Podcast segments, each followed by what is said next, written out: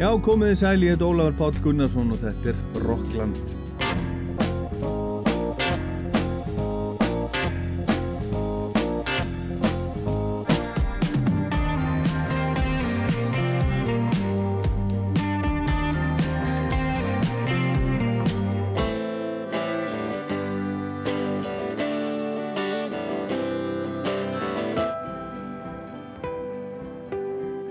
Byrja á því að, að segja ykkur frá því að, að þátturinn varð 26 ára gammal núna í vikunni. Fyrsti þátturinn fór í loftið laugadaginn 7. oktober árið 1995. Og þessi þáttur er númer 1238. En í þættinum í dag heyrum við, heyrum við alls konar háskóla bíó fagnaði 60 ára víksluamali núna Í vikunum sem leið þetta frábæra tónleika á bíóhús sem ábyggilega flestir Íslandingar hafa notið þess að setja í í gegnum tíðina á tónleikum, ráðstefnum jafnvel eða, eða bíósýningum. Ég á margar, ótrúlega margar góðar minningar úr þessu frábæra húsi og þið öruglega öll líka og ég ætla að rifja upp og spila nokkrar velvaldar upptökur úr safni Rásaltöfu úr þessu frábæra tónleikahúsi sem að lengi var stærsti samkómusalur okkar Íslandíku. Ég ætla að segja ykkur líka frá húsinu aðeins og, og svona hvernig það var hvernig það kom til að það var byggt á svona tíma og svo framvegs. Og við heyrum aðeins í Courtney Barnett, við heyrum í Idols, Rolling Stones og tónlistamæðurinn sem kalla sig Boney Man kemur í heimsokk. Rástföðu hefur verið að spila undanfari lag með honum lag sem heitir Better Off en maðurinn á bakvið Bónimenn er 42 ára gammal íslensku kennari sem heitir Guðlaugur og hann syngur á ennsku og hann gerir það vel. Og ég spjalla við hann hérna í þættinum á ettir. Fyrst á eina platan hans kom út núna í september kennus Bónimenn í Rocklandi í dag. En byrjum á að heyra nýtt en gammalt lag með, með David Bowie. Þetta var að koma út þetta, átt, þetta var tekið upp fyrir plötu uh, sem að átt að heita Toy eða heitir Toy, hann tók hana upp eftir að hann gaf út plötun Hours 1999 þetta var svo næsta plata þar á, á eftir. En þetta er í rauninni eldgamall lag, þetta var tekið upp og gefið út ára 1965 með Davy Jones and the Lower Third. Það er svona gamla hljómsveitin hans hans, hans Bowie. En svo tók hann þetta sannsagt upp aftur fyrir þessa plötu sem að fekk nafni Toy lendi í, í einhverjum leiðindum við, við blötu útgáðuna sína, Virgin og platan kom aldrei út. En nú er hún að koma út og, og þetta er sem sagt nýjasta smáskífan frá látnum David Bowie. Þetta heitir You Got a Habit of Living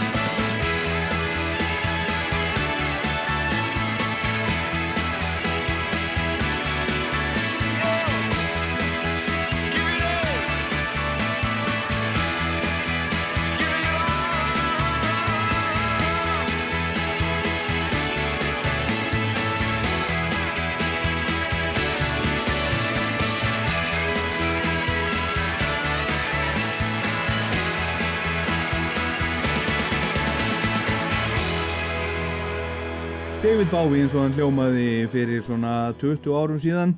Lag sem var aldrei gefið út fyrir en núna en kom út að reynda 1965 áður en að hann slói gegn. You got a habit of leaving. Og áður en við heyrum í tónlistamannunum Man þá fáum við eitt svona gömlu hundalag til, til viðbótar sem að var að koma út, gamalt stónslag sem hefur aldrei komið út fyrir, fyrir núna, hún er að koma út í 40 ára ammaliðsútgáðu, platan að frábara Tattoo You sem að koma út ára 1981 sem hefur að geima lögum eins, lög eins og, eins og uh, Start Me Up og Hang Fire og Waiting on a Friend. Og það er að koma það kemur svo með útgáðu plötunar nýjulaga diskur sem að hefur að geima lög sem að voru tekin upp á tímanum sem að, sem að Tattoo You var að vera til. Þetta er reyndar, ég var, var að segja frá þessum daginn, þetta er afgangaplata. Þetta eru lög sem að sem að voru ekki notað á plötunar þarna frá bara um 1974 og til 1980 eða hvort það var frá 1972 það var svona alls konar samansapna lögum sem að þeir settu á þessa plötu en hún er bara algjörlega frábær. Mínu uppáhals stónsplata sem að sem að já það er nú örgulega sérstaklega þannig til komið þetta er fyrsta plata Rolling Stone sem að ég egnaðist bara þegar ég var, þegar ég var strákur, ég var, ég var 12 ára þegar, þegar ég egnaðist þessa, þessa plötu og þá voru þessir gömlu kallar þeir voru, voru, voru gamlir þá fyrir 40 árum allavega fyrir þá sem að voru 12 ára búin að vera aðeins í 1962 næstu því í 20 ár.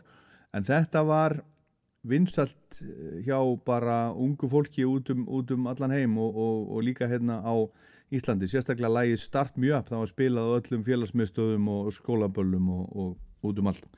En hvaða það, hún er að koma sér þetta út í amælisútgáðu þessi, þessi plata og þeir sendum daginn frá sér lag sem heitir Living in the Heart of Love.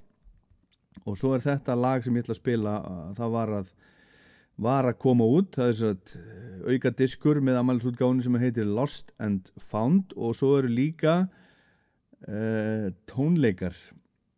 Þetta eru, eru tónleika upptökur á tvennum tónleikum sem að fóru fram á Wembley Stadium í London 2005 og 27. júni 1980 og 2 en við skulum að heyra gamlumennina sem eru akkurat að túra um bandareikin núna.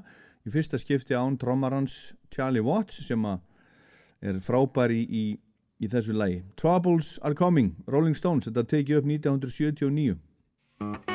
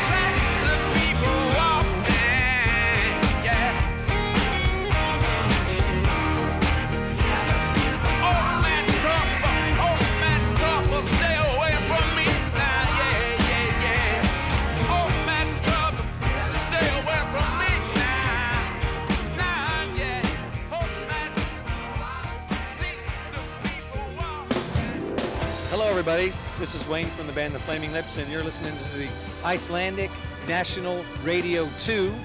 And the program at the moment is called Rockland. And I hope you enjoy it. I have.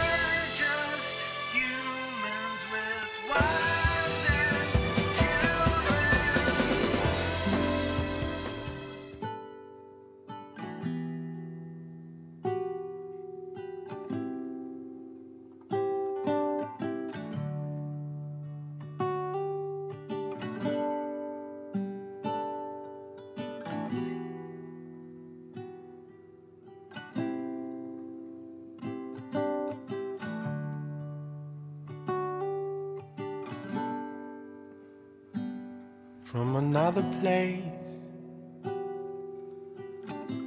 A day returns, a day returns.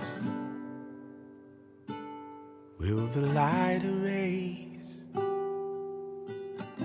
the cuts and burns, the cuts and burns?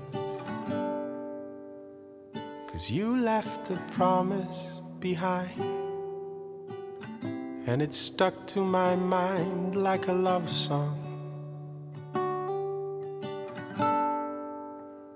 And we put a hole in the world, and it's fading out, it's fading out.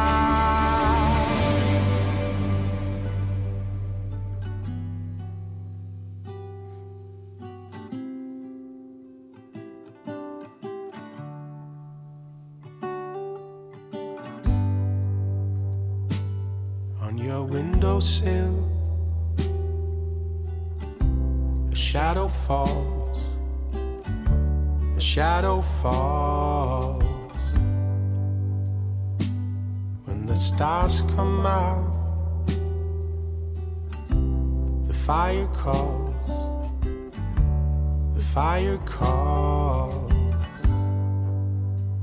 Cause you put your pleasure in mine in a single white line on the dashboard.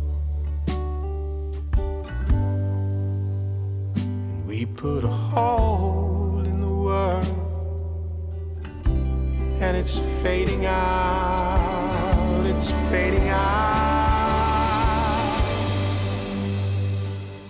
Hvað er nú þetta, gott fólk?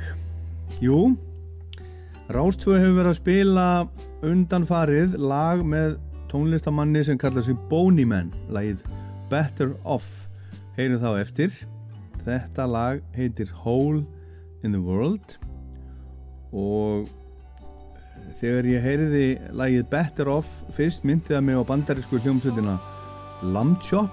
Fannst það gott, vissi ekki hvað þetta var. Fekti ekki Man en kom svo að því mér til talsverður ánægu að Man er íslenskur tónlistamæður fór á Spotify og hlustaði á alla plötunans sem að koma út fyrir mánuðu síðan. Platan er, er skemmtileg, mjög góð fyrst mér. Og nú er Bónimann komin hingað í Rockland og ég spyr hver er, er Bónimann? Já ég fann, sko ég var mjög lengi að hérna, að finna þetta listamanna, vilt að ég kannski kynni mig þá sérstaklega? Já, já, já, já, bara líka já. Bara, bara hver, hver er maðurinn? Já Um, já, ég sést bara, ég heiti Guðlugur Jón Átnarsson og, og, hérna, og uh, gerir tónlist undir þessu nafni, Bóni Menn. Uh, það byrjaði nú bara þannig að ég og félagi minn, uh, Gauti, voru saman að músisera. Já, hann er hver? Það er bara strákur vinnu minn, hann er svona, hérna, mikill viðskipt á jöfri í dag. Nú, nú. Og hérna, hann, allt sem hann snertir breytist í gull og, og hérna, uh, og hann er ekki lengur í, í mikið tónlist en alltaf eitthvað, hann er mikið, mikið musikant eh, tónlistin í sér og... Ef allt breytist í gull sem hann gerir þá ætti hann kannski að snúa að tónlistinni svo hún, hún verði þá kannski? Já, já, hann, hann var ykkur hann var, tók upp eitthvað lag núna fyrir skemmstu með Jóni Ólas Já, já og hérna, hann, hann hefur saman mikið lögum og hann á eitt lag reyndar á blöðunni uh, sem heitir Let it to Lisa Já. Uh, hérna En við sést, kærustur okkar uh, voru samar í leiklistaskólanum á þessum tíma. Er fyrirvendu kærasta mín og nú var þetta kona hans. Og, og við kynntumst í, í, í hérna, útskriftaferð þeirra. Já, uh, og, og hérna, sem var í Berlín og, og við fórum saman í, í svona bírgarten og, gerðum mjög skemmtilegt saman og, hérna það voru bara, það var upp að þessum þessum kynnum og við erum bestu vinnir í dag. Uh, en við vorum búin að vera músisera lengi saman í Gauti og svo fer hann bara í, í, í hérna, viðskipta, út í viðskiptalífið. En segir við með þetta en nú verður þú ekki út blödu ég skal bara borga fyrir þig. Já, ok, það er ekki smá dýr. Hérna, þannig að ég þurfti náttúrulega sparki í rassin ég átti þarna fullt af lögum bara sem að hefði bara farið í skúfu ég hef aldrei tekið þetta skref. Er það ekki? sjálfur, nei, ég held ekki. Nei. Eh, þannig að hérna og hann hafði samband við hérna, við Arna Guðjónsson og sendi honum uh, eitthvað demo. Já, og hérna, er Arnar sem sagt maðurinn á baku þetta með þér? já, Arnar í lífs, já, Arnar Lífs. Sá snillingur. já, og, og hann, hann á alveg heil mikið í sko, ég er náttúrulega sem laun og ég sem textana eh, en hann á rosalega mikið í hljóðheiminum Já, uh, sko þrjú að þessum lögum uh, eru hann, hann skrifaði út nótur fyrir selló og fiðlu og fekk hérna, Unnur Jóns spilar, uh, Unnur Jónsdóttir spilar á selló og, og Björk Óskarsdóttir á fiðlu í þessum þremur lögum og, og gera það mjög vel. Uh, uh, það eru Unforgiven og, og ja, getur ekki. Uh, svo, svo bara stuttu eftir það þá bara fer Arnar á kaupi sér eða, eða kemst einhvern veginn yfir fiðlu og selló. Já, og bara spilar fiðlu og selló Sjálfur? á Er restina af lögunum, ég held að sé Já, ok. í næstuði öllum lögum fiðlu og að hérna, hann getur ímislegt. já, hann spilar á trommu líka hana, í þessum lögum og hann spilar á, á piano og, og gítar og, og bara hann, hann gerir þetta allt saman Það er ekkit annað. En hérna, en hvað getur sagt okkur um þetta, þetta lag, Hole Hole in the World, um hvað, um hvað þetta syngja þarna? Um, ég, það er erfitt að segja sko, ég held að sko, þessi lög koma oft yfirleitt þannig bara að ég er að glamra gítarinn og, og syng svona einhvern texta sem er bara hljóð sem ég finnst svona passa best við á þeim tíma uh, en síðan einhvern veginn fyrir maður að reyna að, að uh, svona smíða þetta saman og, og þetta var sko, við vorum nýbúna ég og, og, og kærasta minn vorum hérna, nýbúna eignast okkar fyrsta bann og þegar ég samdi lagi þá var ég svona svolítið bara ég var að, ég var að hug, mjög, mjög, mér hugleikið uh, svona gjálífið sem ég lifði áður en að við verðum fóreldrar við vorum hérna, vorum svolítið á djamminu uh, bæði sko áður en að við kynntust og, og svo bara saman, Já, já, bara eins og gengur vorum eins og, bara, eins og ungt fólk á að gera bara, já, já, bara ung og hress og Ekkit, ó, e- ekkit óvinnlegt, ekkit Nei. meira en svona bara það sem gengur og gerist hjá ungu fólki. Nei, nei, nei, nei, ekkit hérna fór aldrei yfir strikið held ég. Uh, en þetta var svona og þetta er kannski svona í og með saknaðar texti sko uh, og, og saknaðar lag til, til djamsins já, ok, ég skil. uh, það gæti verið Já, en hvað hérna, hérna um, þú segist vera, segir í frétta tilkynningu, þú, þú, þú segist vera 42 ára þeggi? Jú. Íslensku kennari sem að syngur á ennsku. Já, já, okkur er þetta alltaf ennsku? það er bara einhvern veginn ég, ég væri alveg til í að geta samið texta á íslensku þetta er bara, Heldur þú, heldur þú getur það ekki? Ég gæti það en ég fæ, ég fæ einhvern svona kjánarhall Já, uh, það er kannski erfiðar að syngja semja á ennsku, nei, á íslensku segi. ég. Já, já, einhvern veginn þannig að, já, ég, ég veit ekki, maður einhvern veginn þekkir 90% af hljómsveitur sem maður er að hlusta á uh, eru syngja á einsku og, og þó hefur hlustað mikið af íslenskum hljómsveitum Uh -huh.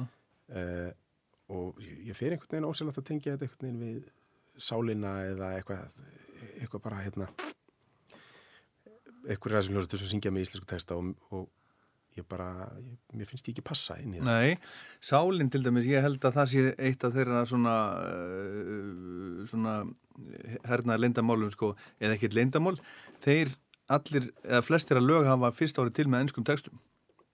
Já, er það Svo hafa þeir búið til íslenska texta Já, já, já. sem sagt, við, þannig að þeir byrja á að syngja, Steppi hefur alltaf byrjað að syngja held ég á, á ennsku. Stefán Hilmarsson, og svo Já. hafa þeir búið til íslensk, íslenska uh, textan. En það er hérna, ég hef nú sagt frá því, uh, svo sem áður oftar en einu sinni að, að það var, var gefin út uh, svona fimm diska uh, sapplata uh, hjá Senu Já. Eða skí, jú, Senu eða, jú, það var líklega Sena fyrir, fyrir nokkrum ára, fyrir tíu ára síðan 100 bestu lög lífveldisins Já. og þar eru 95 sungin á íslensku Já, og það var domnemt fullt af fólki sem valdi þessi lög á þetta. Já, Þannig að sko einhvern veginn þá virðast íslensku textarnir einhvern veginn lífa með þjóðinni. Það er svona eins og svona, uh, svona trefjarnar í læginu, já, uh, í langlífinu sko. já ég, og ég er alveg, alveg sammálað því, ég held að hérna, sko, sérstaklega á, á, í íslensku útvarpi það ámaði miklu meiri sens eða tekst bara semja á íslensku sko. Já, þetta verður ekki gengið nei. En þetta er, en þetta er mjög, mjög, er mjög hrif- hrifin af þessari. Þetta er mjög, mjög flott plata, flott sound og þú ert með fallega rödd og þú syngur þetta bara ljómandi vel. Já, takk Og við skulum heyra þetta næst lag sem heitir Unforgiven. Já. Hvað ert að, að, að segja þar? um, Þetta er alltaf svolítið erfið spurning Já, þetta á að vera þetta erfitt. Já, ég, ég held ég að sami uh, textana þessu lagi þegar ég bjó í Hollandi um, Ég var í hérna, SAE og ég bjó í uh, Hvað er SAE? það er School of Audio Engineering um, Já, þú ert búin að læra það líka. Já og nei, eh, ég lærði þar um, hérna, Digital Film and Animation Já, já, já, þannig að ég, rauninni kvikmyndagerð já, já. þar, en það var rosalega gaman og ég var, var þar í eitt ár og bjó í Amsterdam og, og alveg indislegt og Amsterdam er alveg hérna, er mín uppáhaldsborg by far. Um, og ég bjóð þar ég og kærasta mér byggum þar en, en hún fekk uh, starf, hún er flugfreyja og hún fekk starf hjá Vá og flutti heim til Íslands. Um, og þetta var svona bara fjárbúð í, í ég veit ekki, hálft ár eða eitthvað og, og allt er góð uh, en, en hérna en á þeim tíma held ég að hafa sami textan uh, við þetta lag Unforgiven. um, ég veit ekki alveg um hvað hann er Nei, ef, ef, ef, ef ekki heyri þetta bara. já, endilega Now that you bury your head in the stars, never looking back, I hope it finds you the next time around.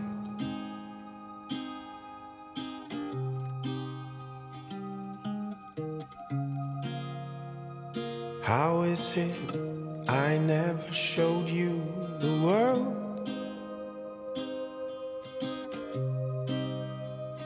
We had all this time. Weather's been good since I follow you here.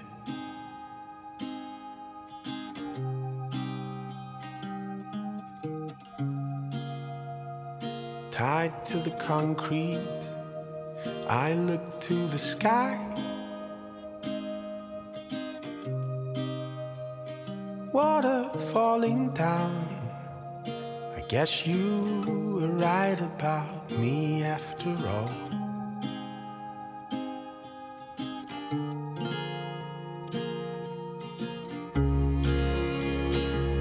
If you could only um, forgive me. There is a war. There is a war to be waged.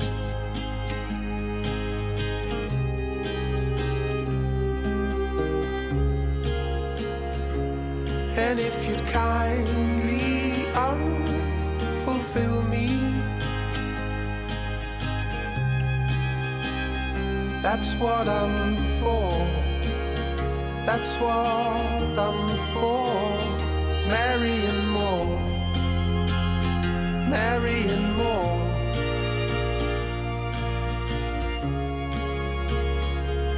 If you would kindly let me down.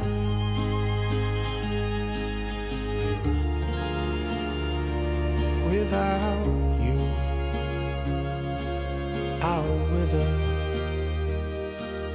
in the sun.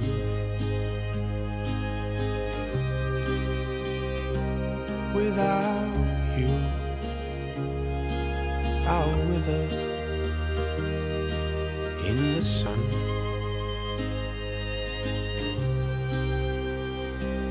Without you, I'll wither. I'll wither in the sun. Without you, I'll wither. Þetta er íslenski tónlistamæðurinn sem að kalla sig, sig Bóni menn, hann heitir Guðlaugur Jón Árnarsson, 42 ára gammal íslensku kennari sem að syngur á, á ennsku og þetta er af, af, af nýja plötuna sem að heitir, heitir Cinnamon Fields. Af hverju, af hverju Cinnamon Fields?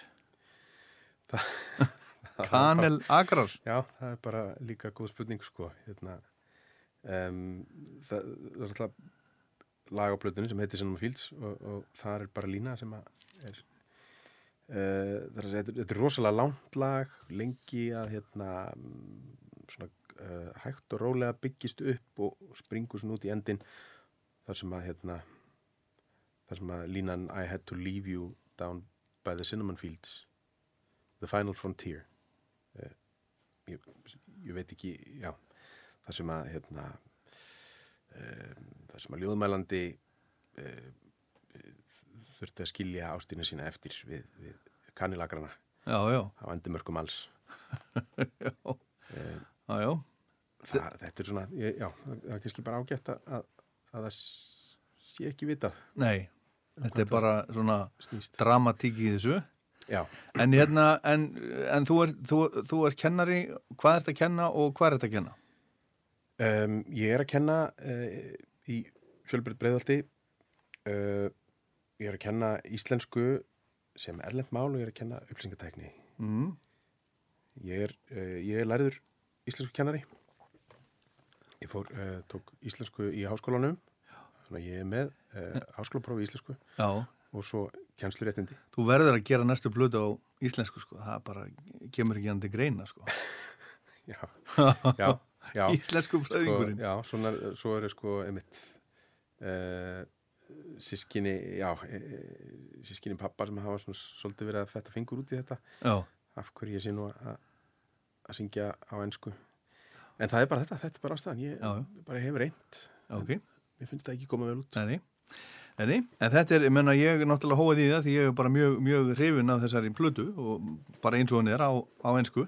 Og hérna, þetta er svona, þetta er svona plata sem að einhvern veginn kemur bara svona uh, innan úr buskanum einhvern veginn. Þetta er bara svona, bara allt í einu er þetta komið og ég segi bara, heyrðu, hvað, hvað er þetta? Og þetta er, þetta er gott, ég vil, vil heyra, heyra, hérna, heyra meira um þetta. En hérna, sko, uh, ertu búin að vera, vera lengi í músík, ég menna, þú veist, lærður á hljóðfæri, sp- tókstu þátt í músíktilrunum einhvern tímann? Nei, nei, ég lærði ekki hljóðfæri uh, og ég tók ekki þátt í músitilunum. Um, ég var eitthvað í, í einhverju svona hljómsveitastandi aðeins í, í mentaskóla en það endist aldrei lengi. Í hvaða skóla varstu? Ég var í MH uh, og, og það var alltaf gaman en, en, en var aldrei neitt. Uh, svo, hérna, svo hef ég nú sagt að ég hafi uh, verið einna stofnendum Jeff Hu hljómsveitarinnar. mhm, uh, sem að er svona, já, kannski hálfsalengur, ég, ég og, og Þormóður uh, trommarinn í Jeff og við, við sagt leigðum okkur hljómsættarhúsnæði og hérna og fórum að spila og brátt fóru hérna félagar okkar og bekkja félagar Þormóðs að koma með æfingar uh, og þá, Batti og, og Áskir og Elli. Og hérna og það voru rosa gaman en ég var svona einhvern veginn að byrja með bara minni fyrstu kærustu og svona hætta að mæta á æfingar og, og bara fór að finnast aðri hlutir spennandi. Já, og hérna þá var sko, ég held að við höfum verið að rífast um hvað hljómsveitin þetta heita og einhver með hvort það var glerun hans afa eða eitthvað, eitthvað svona, eitthvað svona Við spiluð, þá spilaði ég á trömmur já, í því bandi og, og við spiluðum í einhverjum ammælum og eitthvað aðeins. En svo eftir ég hætti þá þá fór að ganga betur. Já, já, já. Og þá var, var Jeff Hu vinsa hljómsveit. já. Já, það var svona svolítið setna já, að, að, aðeins hérna.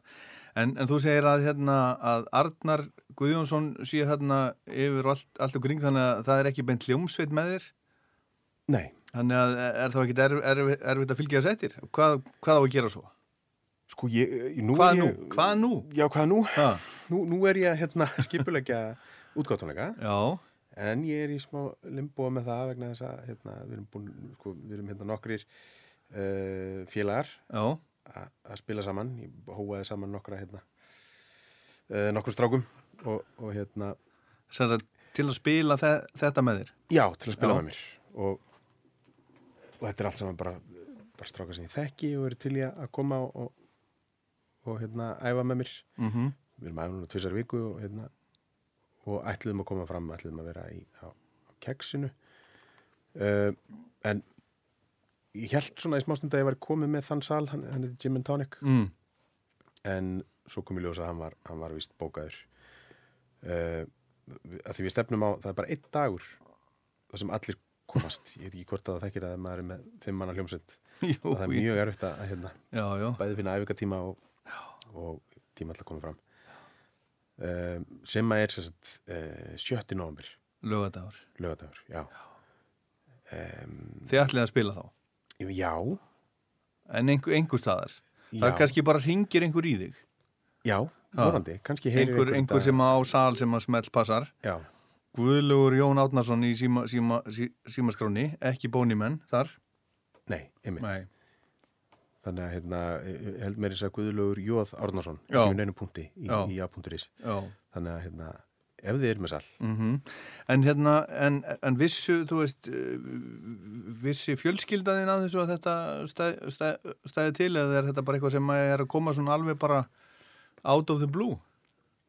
um, já, ég sko, jú, jú, þau fengur nú aðeins að fylgjast með, uh, pappi og, og, og bróður minn og, og, og náttúrulega hérna, mín svona, næsta fjölskylda, Já, já, já, já, Vor, verður náttúrulega varið það að ég var að fara í voru- já, þannig að hérna en, en hérna já, ég veit ekki alveg menn kannski hérna uh, ég veit ekki við hverju menn byggust en, en ég fengið allavega frá svona öllum öllum þeim uh, í fjölskyldunum minn sem hafa hlustað mjög, mjög, mjög gott. Já, þetta er mjög gott. Herðu, við skulum heyra næst lag sem að heitir, heitir Better Off Já. og hérna, sko, uh, svona miða við að þetta sé svona óþekkt og svona, þá, er, þá ertu komið með sæmilan spílun á Spotify til dæmis.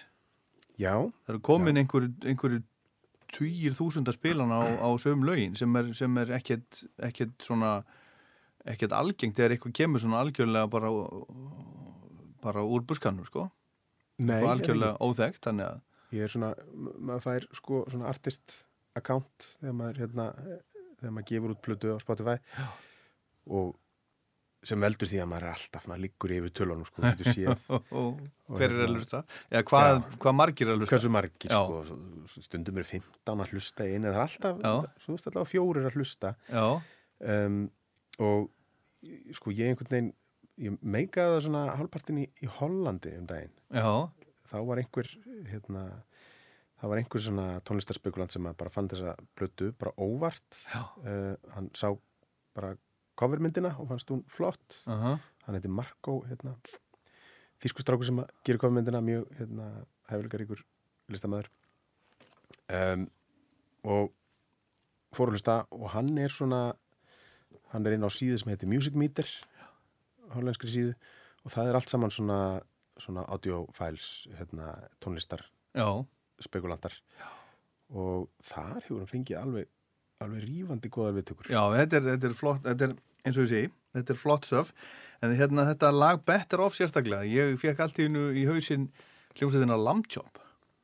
Hefur eitthvað hlusta á Lamb Chop? Nei, en það var einhver að nefna hana í þessu samingi Er það? Já. Uh, að ég ætti að tekka því. Já, en ég, er ekki, hef ekki gert það. Nei, skulum heyra þetta. Better Off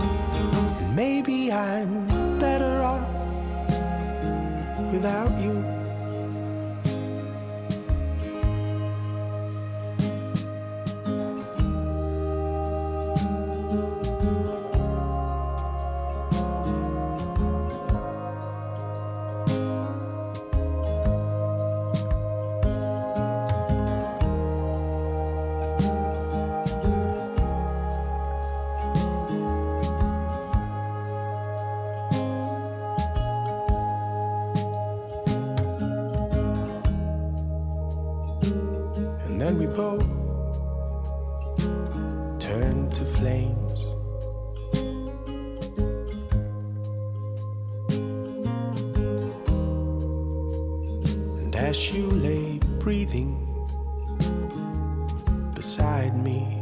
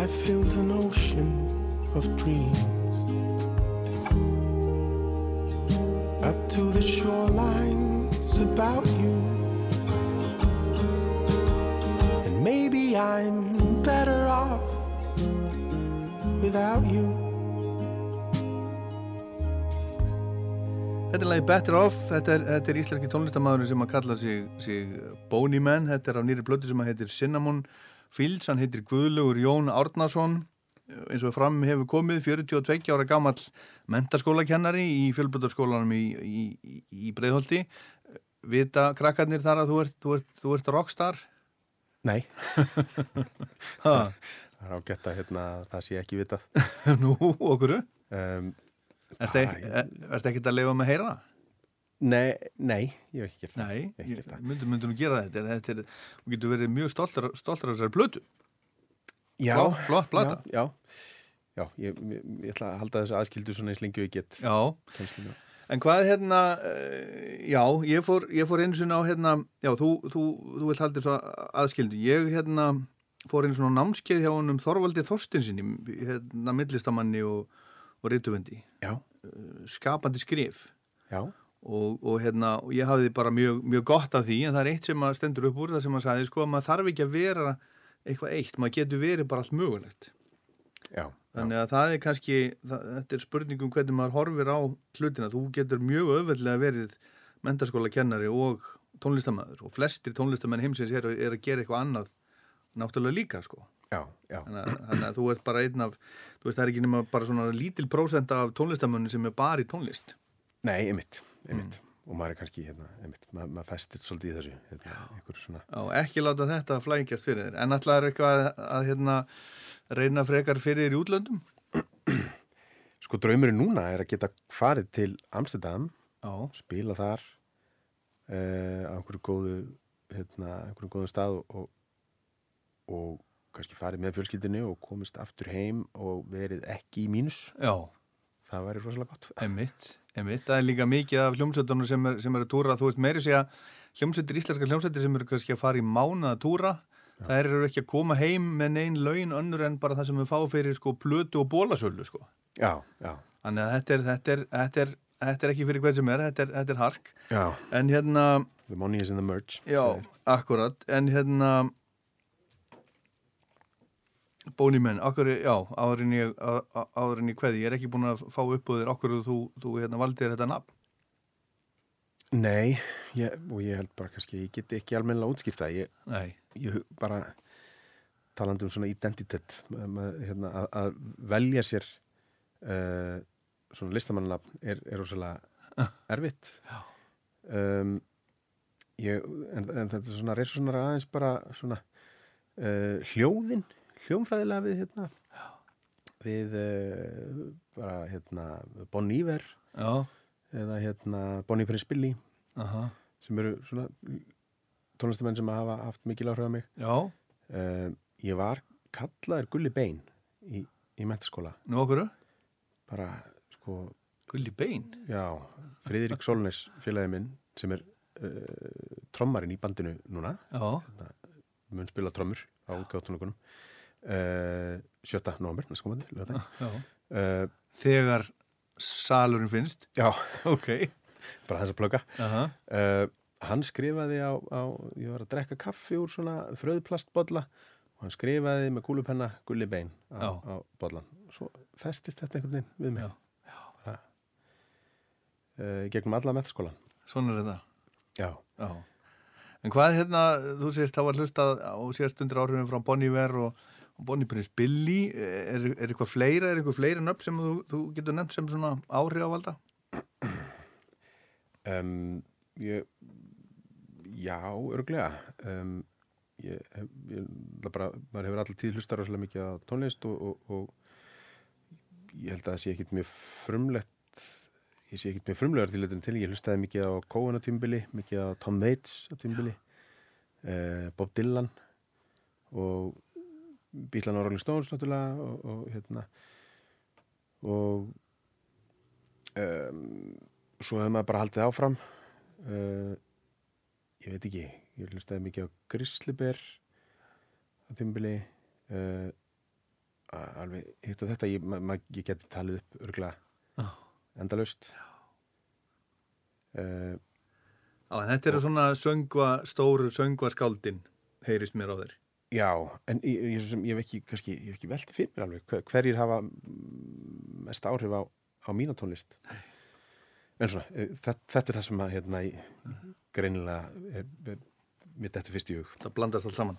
já, Herðu, Bonnie Menn, Guðlugur Jón Árnarsson, til að hafa mikið með svo flottu blödu, gangið þér sem best og, og hérna vonandi tekst þér að, að finna einhvern húsnaði fyrir útgáð tónleikana þina, þú lætur mig kannski vita og Já. ég get kannski látið einhverja fleiri vita já, og við slum að enda á að heyra titilag blödunar Cinnamon Fields. Takk fyrir komin í Rockland. takk sem leiðis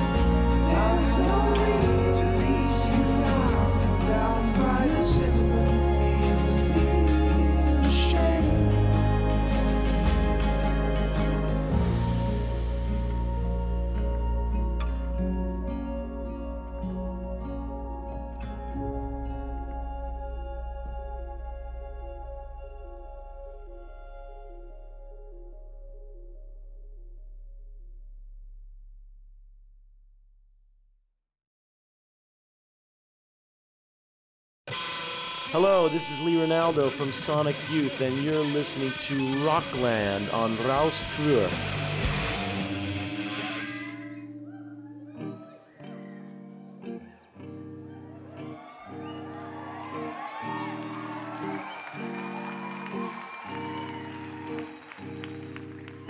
Neyðir sigtrinn, nývagnaðu þröstur upp á háa sér og heldur því.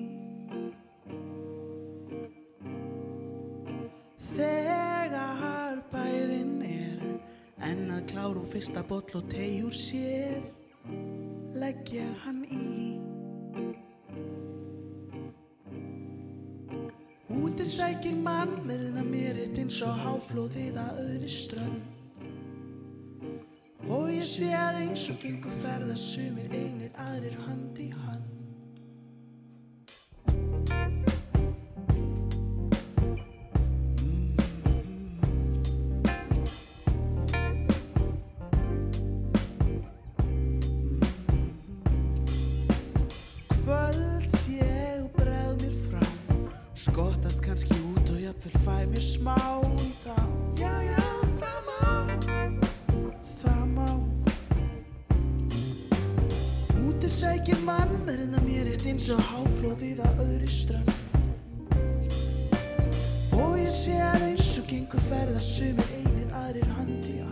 Þetta er Rockland á Rástvö, ég heit Ólafur Páll og við erum að hlusta hérna á Moses Hightower í Háskóla Bíói 22. september árið 2017. Háskóla Bíó fagnaði 60 ára viksluamali núna í vikunum sem leið, þetta frábæra tónleika og bíóhús sem ábyggilega flestir Íslandingar hafa notið þess að setja í gegnum tíðina á tónleikum og bíósýningum eða einhverjum fundum og, og ráðstefnum ég á margar, ótrúlega margar góðar minningar úr, úr þessu húsi og þið öruglega líka. Ég var hérna til dæmis einu sinni í, í bíómanjeg, mann hver ég satt ég satt á ég satt á aftasta bekk held ég alveg öruglega og ég var al einn í salnum. Það var mjög, mjög sérstætt að vera í þessum stóra sal al einn. Og myndin hétt held ég 200 Cigarettes. Og mér minnir að Iggy Pop og Tom Waits hafi leikið í þessari mynd. Ég uh, nenni, ekki að, að googla það en, en það er allavega það sem að mig minnir. En Háskóla Bíó stendur eins og, og margir vita við Hagatorg í Vestubareikjavíkur og Wikipedia segir byggingin hefur einkjannandi harmoníkur lag sem hefur áhrif á hljómburð og með háum söður hluta sem átt að gera kleift að draga síningatjöld upp fyrir sviðið Húsin var hannað af arkitektónum Gunnlaugi Haldórsinni og Guðmundi Káir Kristinsinni og byggt á árunum 1956 til 61. Það var víkt 7. oktober 61 á hálfrar aldar afmæli Háskóli Íslands. Það er í eigu sáttmálasjóðs en, í, en 17. oktober 1941 var ákveða sjóðurinn skildi eiga og reka kvikmyndahús Háskólans sem upphála var opnað í Tjarnabíói 1942. Háskólinn leigir sali húsins undir kennslustofur á daginn þegar ekki eru þar kveikmyndasýningar. Húsi var aðal tónleika hús Symfóniljónsutar Ísland sem árabil eða þar til tónlistarhúsið Harpa var tekið í nótkun árið 2011. Á árunum 1985 til 90 var reist viðbygging við húsið sem hýsir skrifstofur og minni síningarsali. Árið 2002 hætti Háskóli Íslands rekstri á kveikmyndasýningum í Háskóla Bíó og gerði samning við sambíónum leigu á síningarastöðni og í húsinu eru fimm kveikmyndasalir en aðalsalurinn er aðalmálið með 970 sætum. Og bygging húsins átti sér langan aðdraðanda farið var að ræða um nöðsinn þess að reysa stórt hús með stórum sal sem nota mætti undir fjölmennar samkomur, kveikmyndasýningar og tónleika mörgum áru fyrr. Háskólinn átti tjarnarbíó sem þótti rúma allt og fáa Svo var framkvæmdinn ákveðin, húsi var teiknað og svo byggt. Þetta er glæsilegt hús með sínum sérstöku harmoníkur laga útveikjum. Í aðdragandavíkslunar fór fram talsverð umræða í samfélaginu um nafnið, Háskóla Bíó, að það bara gengi ekki og það voru svona nöfni eins og Báran, Háskóla Borg, Háskóla Höllin og fleiri sem voru, voru nefnd sem betur nöfn og mönnum þótti sem sé ómögulegt að húsið héti Háskóla Bíó vegna þess að bíó er ekki íslenska. En svo var komið að vikslunni og Páll Ísólfsson sem stjórnaði Symfóniljóset Íslands við vikslu aðtöfnina dámaði hljómburðin í húsinu, við skoðum það hérna á eftir.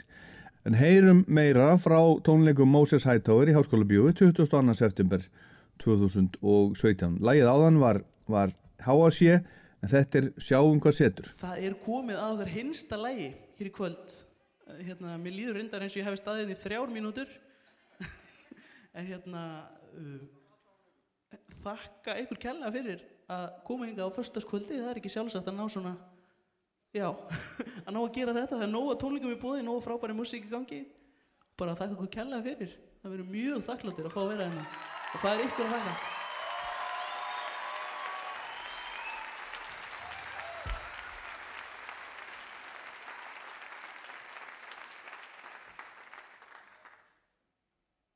Já, og að loknum tónleikunum þá ætlum við að uh, þá munum við bræða okkur hérna út ef einhver skildi langa í plötur til að setja undir hérna, hafa undir glösunum ykkar eða eitthvað, þá verðum við þar. Og ykkur finnst það eigulegri við það að við krótum eitthvað aður og skemma þar eitthvað, þá getum við gert það. Og ég vil benda á hversu gríðarlega vel þessar plötur passa í taupoka sem að þær eru sniðnar í taupoka sem eru líka þessu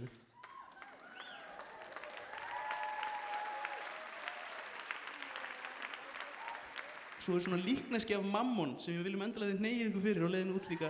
En fyrst og fremst þakka ykkur fyrir að vera hérna að hlusta okkur. Og eða góðar stundir. Við erum Mósa Sætafur og vinir.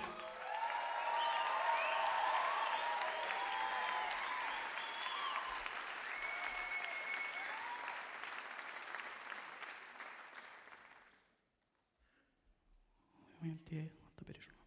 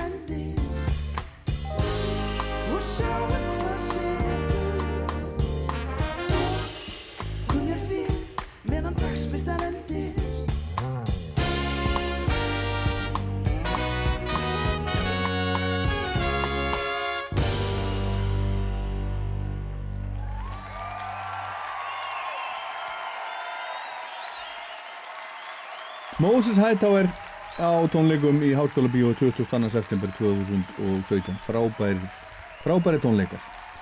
En þarna hafa farið fram margir magnaðir viðburðir gegnum tíðina.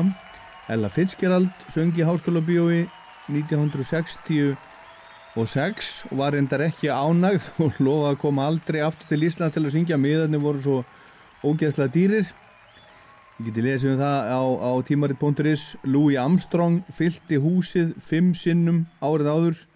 Margir helstu jazz tónlistamenn heims og margar helstu stjörnur dagur tónlistasögunar hafa spilað á sviðinu í Háskóla Bíói og svo hefur Háskóla Bíó verið heimavöllur Bakkalúts og jólatónleikana þeirra undan farin ári, ég heldur að við spila þarna fleiri en uh, 100 tónleika á undanfötum árum.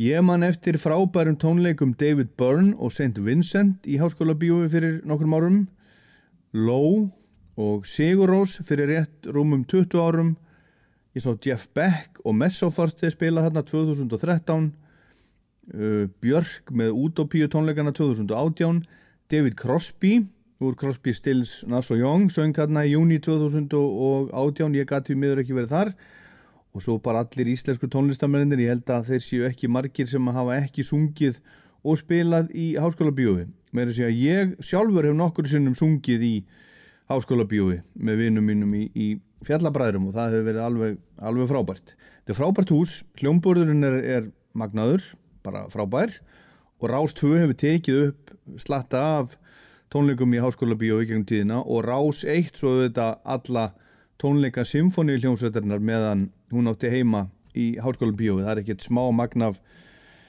af tónleikum sem að sem að Rás 1 hefur hljóðritað í, í Háskóla Bíói. En næstu tónleikar sem við förum inn á í Háskóla Bíó úr tónleikarsafni Rása 2 eru tónleikar bandarinska tónlistamannsins Rufus Wainwright sem held tónleika 13. apríl 2008 hann var bara einn á sviðinu. Ég var þar, hann satt við flíilinn salurinn var fullur af fólki hann eh, spilar fyrst fyrir okkur lægið sitt Going to a Town og svo annar lag sem að þarf ekki að kynna I'm going to a town that has already been burnt down. I'm going to a place that has already been disgraced. I'm gonna see some folks who have already been let down. I'm so tired of America.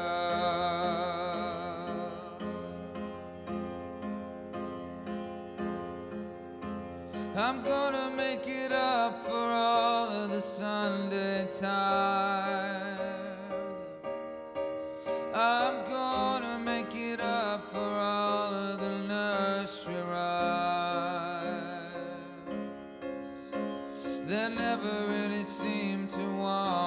Tell the truth. I'm so tired of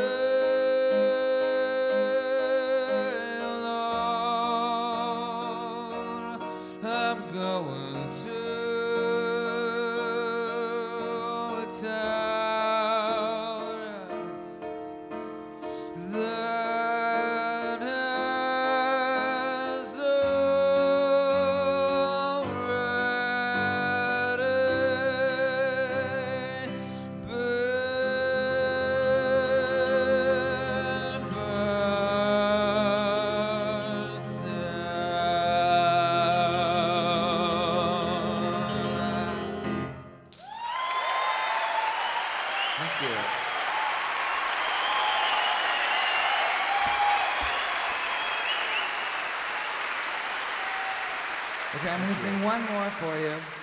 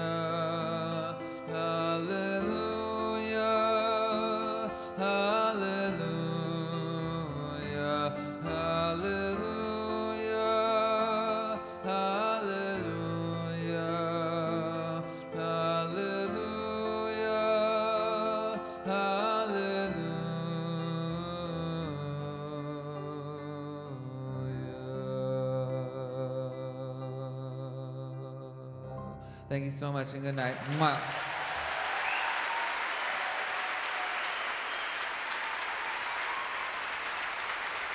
Þetta var vel gert Rufus Wainwright og Hallelujah eftir, eftir Leonard Cohen hann rugglaðist reyndar í þessu loka lægi tónleikana tók sér smá pásu, stoppaði aðeins og byrjaði svo bara aftur fór, fór aðeins út af, glemdi textanum en Egil Jóhansson hljóðmaður út af sinns sem tók tónleikanu upp og gekk frá þeim inn á sapn út af sinns hann, honum fannst þetta ekki nógu gott og hann, hann klifti þetta út, hann klifti þetta til þannig að þetta hljómaði eins og, eins og bara ekkert hefði í skorist. Hitt hefði verið miklu skemmtilegra að eiga og heyra. En þetta er svo sem alveg nógu, nógu gott svona, vel gert, frábært, halleluja. Eftir kóin, Háskóla Bíó 13. apríl 2008 Jónatan Garðarsson sem er, er merkilegu maður og, og, og, veit allan fjandan og mann man allt, hann tók saman eftirfarandi texta fyrir nokkrum árum eh, fyrir Háskóla Bíó sem ég ætla að lesa núna Árið 1957 fekk Háskóli Íslands formlega lóð fyrir kvikmynda og hljómleikahús og fengu Gunnlaugur Halldórsson og Guðmundur Káir Kristinsson það verkefni að vinna að uppdrætti stærsta samkumuhús landsins. Framkvæmdir við grunnhúsins hófust í september 1958 en 3. ágúst 1959 hófust vinna við að steipa upp húsið í skriðmótum. Flatarmál húsins er um 1800 fermetrar en síningasalurinn er um 740 fermetrar, andirið er um 500 og sviðið um 300 fermetrar. Síningar herbergi og filmugeimsla er um það byrj 200 fermetra kvort. Hæð turdsins er 24 metrar en síningasalarins 13 metrar. Upptökuherbyggi er í húsinu sem til dæmis var notað fyrir beinar útsendinga ríkisútarsins frá symfóníu tónleikum árum saman og líka til að hljóðrita tónleika. Eh, Þegar tónleikar voru í húsinu var nöðsynlegt að draga síningatjaldið upp í törnin og það er gert auðvitað en þá. Tjaldið sjálft var 20 metra breytt og 9 metrar á hæð og vó 5 tonn, hugsið ykkur. Á sviðinu var gert ráð fyrir að hægt væri að koma fyrir 240 manna kór og hljómsveit. Uppháfleg síningatæki húsins voru gerðinni Todd A. O. og Gunnar Þorvarðarsson útdagsvirki hann sá um þann þátt en einni kom fulltrúi frá Vesmiðunni í Hollandi og, og svona hafði yfir ymsjón með verkinu. Húsið rúmaði 976 manns í sæti og var þess vænst að, að það erði fullbúið hausti 1961 þegar 50 ár voru liðin frá því að Háskóli Íslands tók til starfa. Alessandr Jóhannesson, háskólarektor, var formaðu bygginganemdar og Friðfinnur Ólafsson, framkvæmdastjóri Tjarnabíós, fekk það hlutverk að fylgjast með framkvæmdum og byggingameistari var Snorri Haldásson og verstjóri var Haldán Gustafsson. Dr. Wilhelm Jordan frá Danmörku var sérstakur ráðgjafi varðandi hljómburð en jáfnframt komu sérfræðingar frá Philips Vesmiðunum í Hollandi að málum. Húsið þótti óveinlegt í læginu og myndi á útregna harmoníku ljósmyndavill.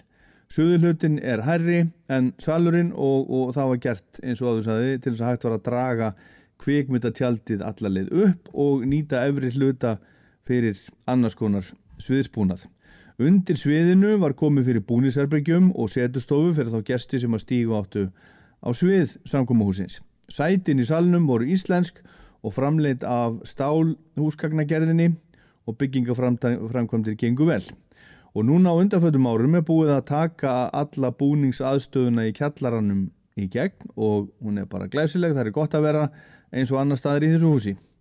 En næst komum við við í Háskóla Bíónu góða 30. oktober 2010 en þá voru á sviðinu Hjálmar og vinir þeirra, Blásarar og fleiri. Takk fyrir það.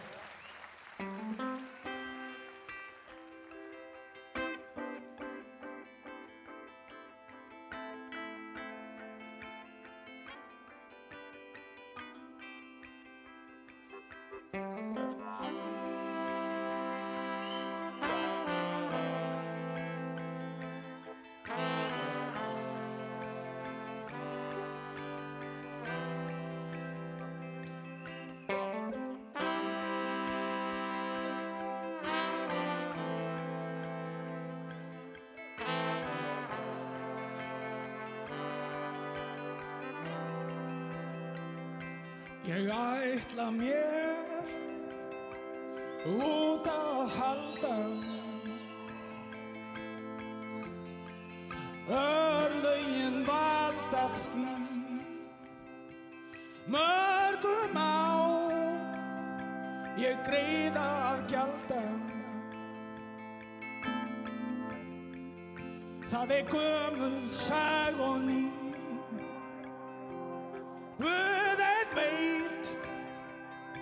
hvert leynir liggur.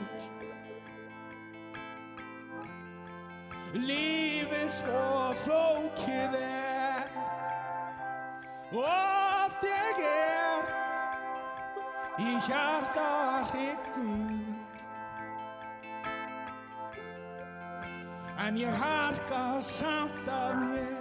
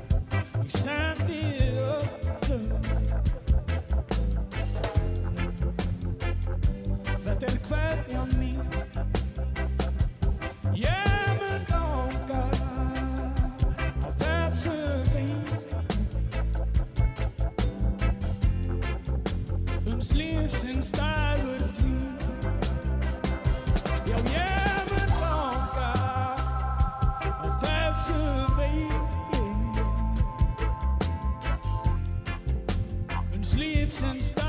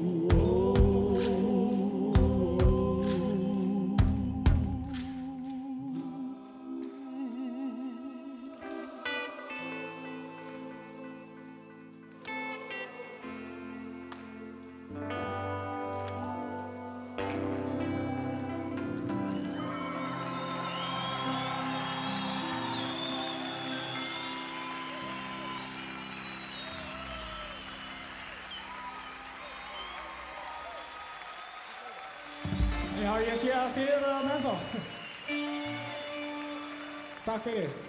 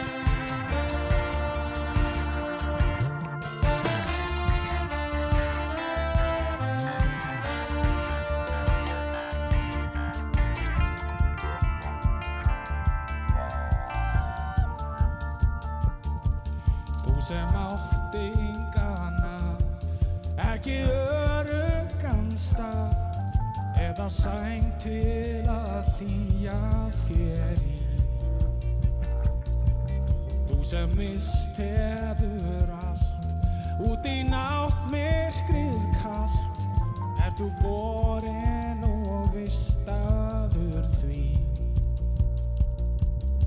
Ef þú átt engan auður, er þú örlítill maur. Luktum augum og sifir að tíð. Því að sveppdrukkin þjóð fagnar sjálfstæði og allt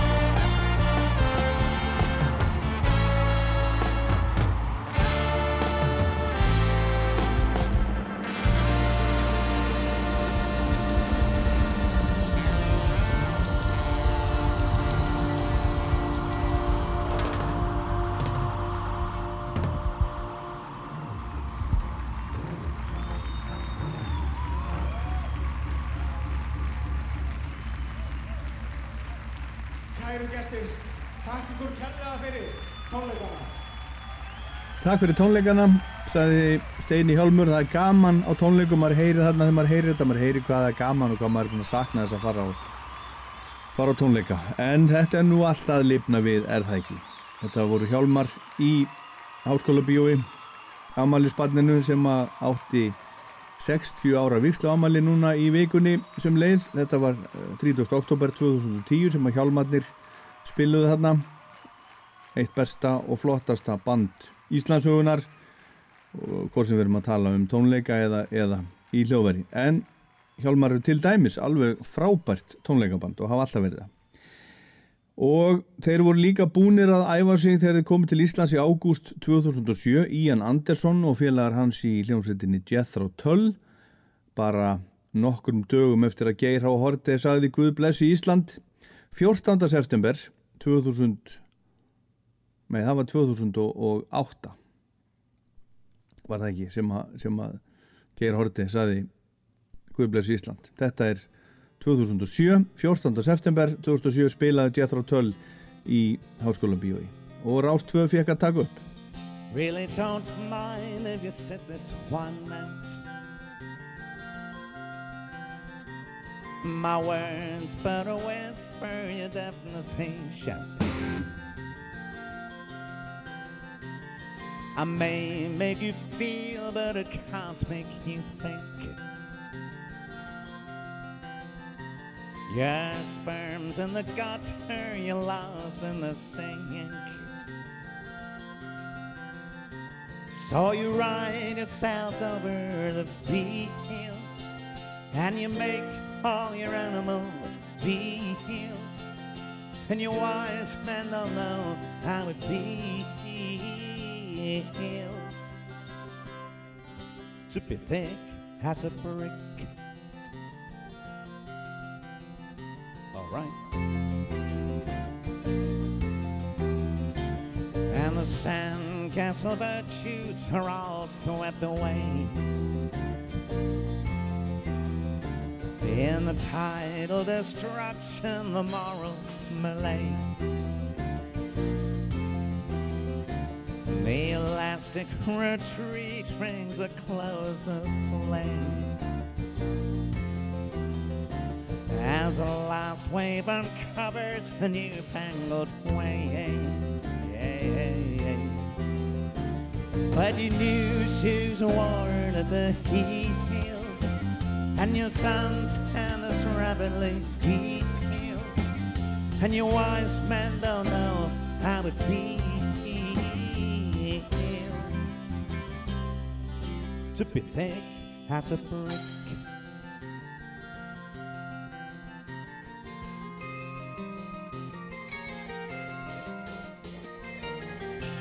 And the love that I feel is so far away.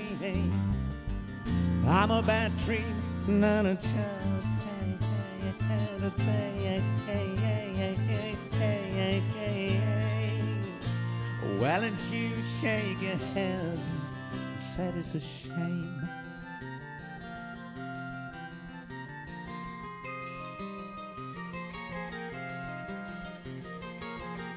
Spin me back down the years and the days of my youth. Drop the lace and black curtains and shut out the whole truth. Spin me down the long ages, let them sing the song.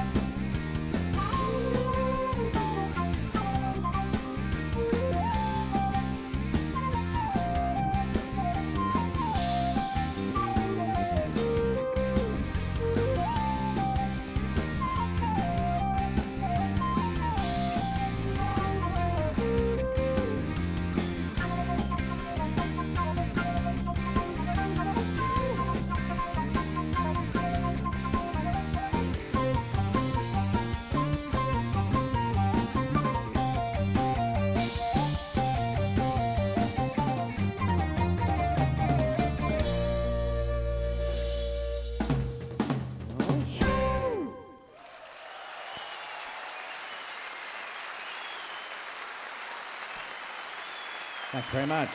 Living in the past there. Ian Anderson og Jethro Tull í Háskóla Bíói afmæli spanninu 30. oktober 2008 og Living in the Past og þar á undan Thick as a Brick og við endum að heyra endum þennan Rocklands þátt að heyra brot frá frábærum 70 ára ammælistónleikum Magnúsar Þórs Sigmundssonar sem að fóru fram 15. november 2018 þar sungum með Magnúsi ymsir gestir Jónas Sigursson, Sverri Bergmann, Fjallabræður Páll Óskar Þórun Antoníja dóttir hans, Ragnhildur Gröndal og, og fleiri, þetta var stjörnum prýtt kvöld og uh, afmælisbarnið, Háskóla Bíó, fullt eins og svo ofta áður og þetta var tekið upp bæði fyrir, fyrir Rástöfu og fyrir Sjónvarpi, Sjónvarpi síndi, síndi þetta fyrir ekkert svo löngu síðan en við skulum enda Rockland á, á, á tóndæmi frá þessum tónleikum. Svo minni ég á Rockland á rúf.is og í uh, rúf appinu, spilaranum. Ég minni á Rockland podcast á iTunes og Spotify til dæmis. Og Rockland mælir með lagalistan á Spotify sem ég er búin að uppfara sjálfsögðu uppfara hann í byrjun hvers mánadar 30 lög, þau eru reyndar aðeins fleiri núna, ég átti erfitt með að, með að henda út eða finna eitthvað til að henda út þannig að þau eru nákvæmlega 30 en tjekkið endilega á því, hlustið og ef ykkur líkar þá getið þið ítt á hjartað og fyllt listanum og það kemur alltaf, kom alltaf ný lög inn á listan í byrjun hvers mánar. Ég heit Ólaður Páll, þetta var Rockland, hér eru Magnús Þór og Jónas Sig og Fjallabræður. Takk fyrir að hlusta. Svo er þetta spurning sko, ef þið ætla að klappa okkur upp þá er þetta svo mikið mál fyrir 60 manns að fara út af sviðinu og aftur inn á. Þannig að ég held að lausnin sé að þið farið fram og við klöpum ykkur upp.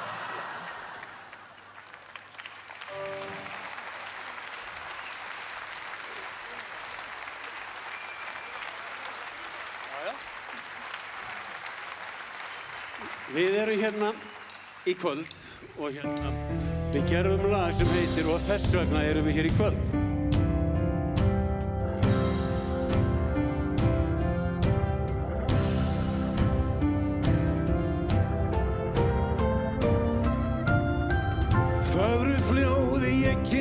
Forðum. Við lásum hvors annars hjartalag. Án þess að eigð í það ofmörgum orðum Þá er það svo enn í dag. Verður dásamlega gaman Detturinn ömmu og afa drengur Sem við pössum saman. Sónurinn vaksinn úr gras eins og gengur. Hann er hérna sko. Við eigum vini góða dætur síni Við eigum börn og barnabörn